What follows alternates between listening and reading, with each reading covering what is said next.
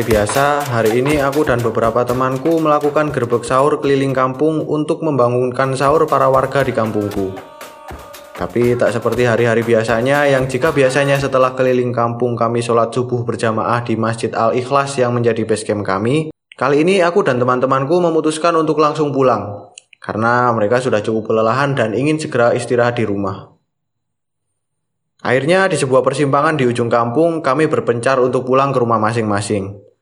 David, Bastian, Simon, Daniel, Joe, dan Steve berbelok ke kanan, sementara aku, Bobby, dan Freddy berbelok ke kiri.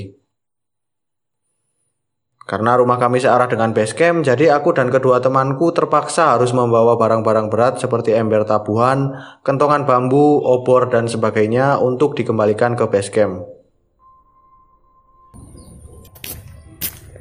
Ternyata jalanan di sini seram juga ya. Bobby nyeletuk saat kami berjalan mendekati kuburan. Kami memang jarang sekali lewat sini. Bahkan kalau diingat-ingat, aku tidak pernah melewati jalan ini di malam hari seperti sekarang. Karena memang di sekitar sini tidak ada rumah penduduk, bahkan penerangan pun tidak ada. Hanya jalanan sempit sekitar 1 km dengan pohon bambu di kanan kirinya, sebuah pemakaman beberapa meter di depan, kemudian pohon bambu lagi setelahnya. Sebenarnya ada jalan lain yang lebih terang dan tidak menyeramkan daripada jalan ini.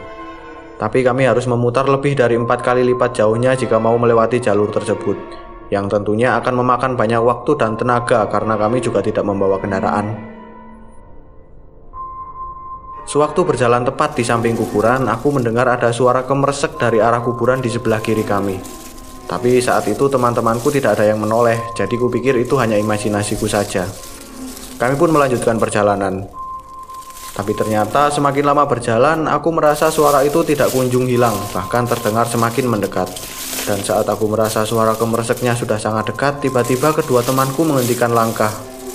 Bersamaan mereka berdua menoleh ke arah kiri dan tiba-tiba saja sesuatu berwarna putih terlempar dari arah kuburan tepat ke jalanan sempit di depan kami. Sebuah gulungan putih seperti bantal guling berdiri tegak dengan kuncir besar di bagian atasnya dan beberapa ikatan mengelilingi beberapa bagian tubuhnya. Pocong. Sontak, aku langsung kabur dengan teman-temanku. Kami lari tunggang langgang meninggalkan barang-barang kami yang langsung kami lempar saat pocong tersebut melompat-lompat mendekati kami. Tanpa henti, kami berlari kembali ke arah kami datang. Kami berlari menuju rumah salah satu teman kami, David. Karena masih trauma, kami pun terpaksa menunggu di rumah David dan meminta teman kami itu untuk mengantar kami pulang saat pagi nanti.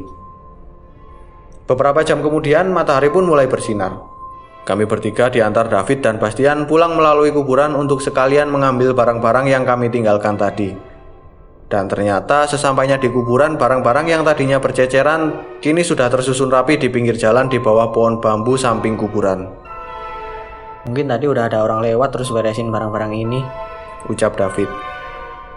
Setelah kejadian itu, aku dan kedua temanku tidak berani lagi untuk melakukan gerbek sahur selama beberapa hari. Tapi karena aku memang orangnya tidak bisa tidak nongkrong dan berkumpul dengan teman-teman, jadi seminggu kemudian kuputuskan untuk kembali melakukan berbak sahur bersama teman-temanku itu. Sayangnya karena Bobby dan Freddy masih trauma, jadi kali ini aku pergi bersama kakakku yang katanya penasaran dan ingin melihat sendiri penampakan kuburan itu.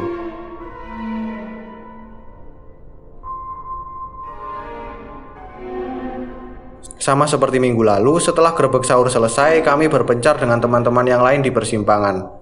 Tapi kali ini David dan Bastian ikut karena mereka juga sama penasarannya dengan kakakku.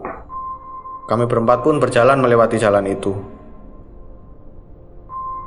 Saat melintas di depan kuburan, kami menoleh ke tempat sebelumnya pocong muncul, dan alhamdulillahnya tidak ada apa-apa. Kami pun bernafas lega, walaupun sepertinya David, Bastian, dan kakakku agak kecewa karena tidak bisa membuktikan adanya penampakan di tempat itu. Kami melanjutkan perjalanan. Tapi ketika kami sudah berjalan cukup jauh dari kuburan, tiba-tiba aku merasakan hembusan angin dingin menusuk melalui celah-celah kulitku. Lalu saat kakakku yang sepertinya merasakan hal yang sama menoleh ke belakang, ia melihat sesosok pocong melompat mendekati kami. Ia pun lari terbirit-birit disusul aku dan kedua temanku setelah mereka menoleh ke belakang juga. Karena kejadian itu, aku pun memutuskan untuk berhenti melakukan gerbek sahur sampai akhir bulan puasa. Dan ternyata setelah aku pensiun, beberapa temanku ada yang bilang kalau mereka mencoba membuktikan sendiri rumor pocong itu dan tentu saja mereka pun melihat penampakan pocong juga di tempat yang sama. Akhirnya rumor semakin tersebar dan tidak ada lagi yang berani melewati jalan itu jika tidak beramai-ramai. Singkat cerita, beberapa bulan kemudian saat aku sudah berani keluar malam lagi, aku mulai nongkrong di rumah David yang sekarang sudah dipasangi wifi. Wifi. Kami dan beberapa teman yang lain mabar Mobile Legends sampai larut malam. Anjir, ini lunjir, Ucap Simon saat aku sedang asik menikmati pertempuran online dengan Bastian dan Steve. Teriakannya yang keras itu membuat kami terkejut dan menghentikan aktivitas kami. Lalu karena penasaran, kami pun AFK dari game lalu menghampiri si Simon kemudian ia pun menunjukkan HP-nya. Di situ Simon menunjukkan sebuah video YouTube dengan judul Prank Pocong di Kampung Durian Runtuh.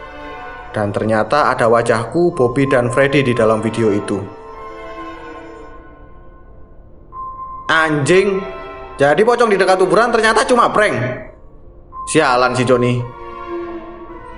Bobby berteriak penuh emosi saat membaca nama channel yang merupakan nama salah satu remaja seumuran kami yang tinggal cukup jauh di ujung kampung. Mengetahui itu, kami bertiga yang awalnya berencana pulang lewat jalan memutar dengan sepeda motor, akhirnya memutuskan untuk pulang lebih larut dan melewati jalan kuburan dengan berjalan kaki untuk menggerebek orang yang sudah mengerjai kami. Sayangnya tidak ada penampakan apa pun hari itu. Tapi kami tidak patah semangat. Kami mencoba di hari berikutnya, tapi ternyata tetap tidak ada apa-apa. Akhirnya di hari ketiga, Bobby dan Freddy menyerah dan tidak mau lagi menggerebek si Johnny. Mereka memilih untuk melabrak langsung ke rumah si Johnny besok pagi. Tapi karena aku sendiri masih penasaran, aku pun melakukan percobaan terakhir berjalan melewati jalur kuburan tengah malam dan kali ini sendirian. Jam 12, aku pulang dari rumah David. Ketika melewati tempat pocong pertama kali muncul, aku menoleh ke kiri dari kejauhan dan benar saja. Terlihat orang berkostum pocong sedang berdiri di pojokan seperti sedang bersiap-siap mau mengagetkanku. Karena sudah tahu kalau ini prank, aku pun berjalan dengan santai melewati jalan itu lalu saat pocong datang dan mengagetkanku, aku malah meledek dan menertawakannya. Hahaha. Udah gak lucu lagi, John. Mana kameranya? Ucapku sambil menoleh ke kanan dan ke kiri mencari orang yang memegang kamera. Tapi setelah menyisir ke sana kemari, ternyata kamera tidak ada. Aku pun memegang pundak Joni yang sedari tadi diam saja bahkan setelah ku bongkar pranknya. Bajumu kotor banget, John. Gak dicuci ya dari bulan puasa kemarin. Ucapku sambil menarik kembali tanganku. Beberapa saat kemudian, aku merasakan ada yang menggeliat di tangan kananku. Ternyata itu belatung. Aku pun kaget. Tak lama kemudian aku menatap wajah orang yang kupikir Joni itu. Namun rupanya itu bukan wajah Joni. Itu adalah muka hancur dengan daging yang membusuk dan tulang yang terlihat di beberapa sudut, lengkap dengan belatung yang menggeliat di bola mata sebelah kiri. Aku pingsan. Besoknya bersama Freddy dan Bobby, aku mengunjungi rumah Joni. Ia pun meminta maaf dan memberikan klarifikasi. Sumpah guys, aku bikin video prank pocong itu cuma satu kali doang. Cuma satu hari yang awal puasa itu doang. Yang waktu ada kaliannya. Soalnya waktu bikin video itu, aku tuh juga digangguin. Jadi pas setelah ngeprank kalian bertiga yang sampai ngelemparin obor dan ember itu, aku kan lepas kostum tuh.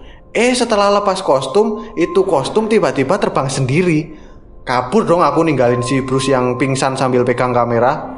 Kalau nggak percaya, coba deh kalian cek lagi di channel YouTube aku. Di situ kan cuma ada satu doang tuh video prank pocongnya.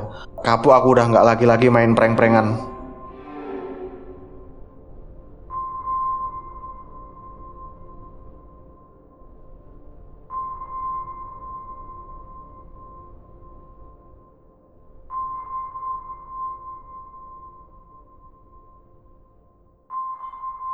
Sekian cerita hari ini. Mohon maaf jika banyak kekurangan. Terima kasih sudah meluangkan waktunya untuk mendengarkan. Saya pamit undur diri. Terima kasih.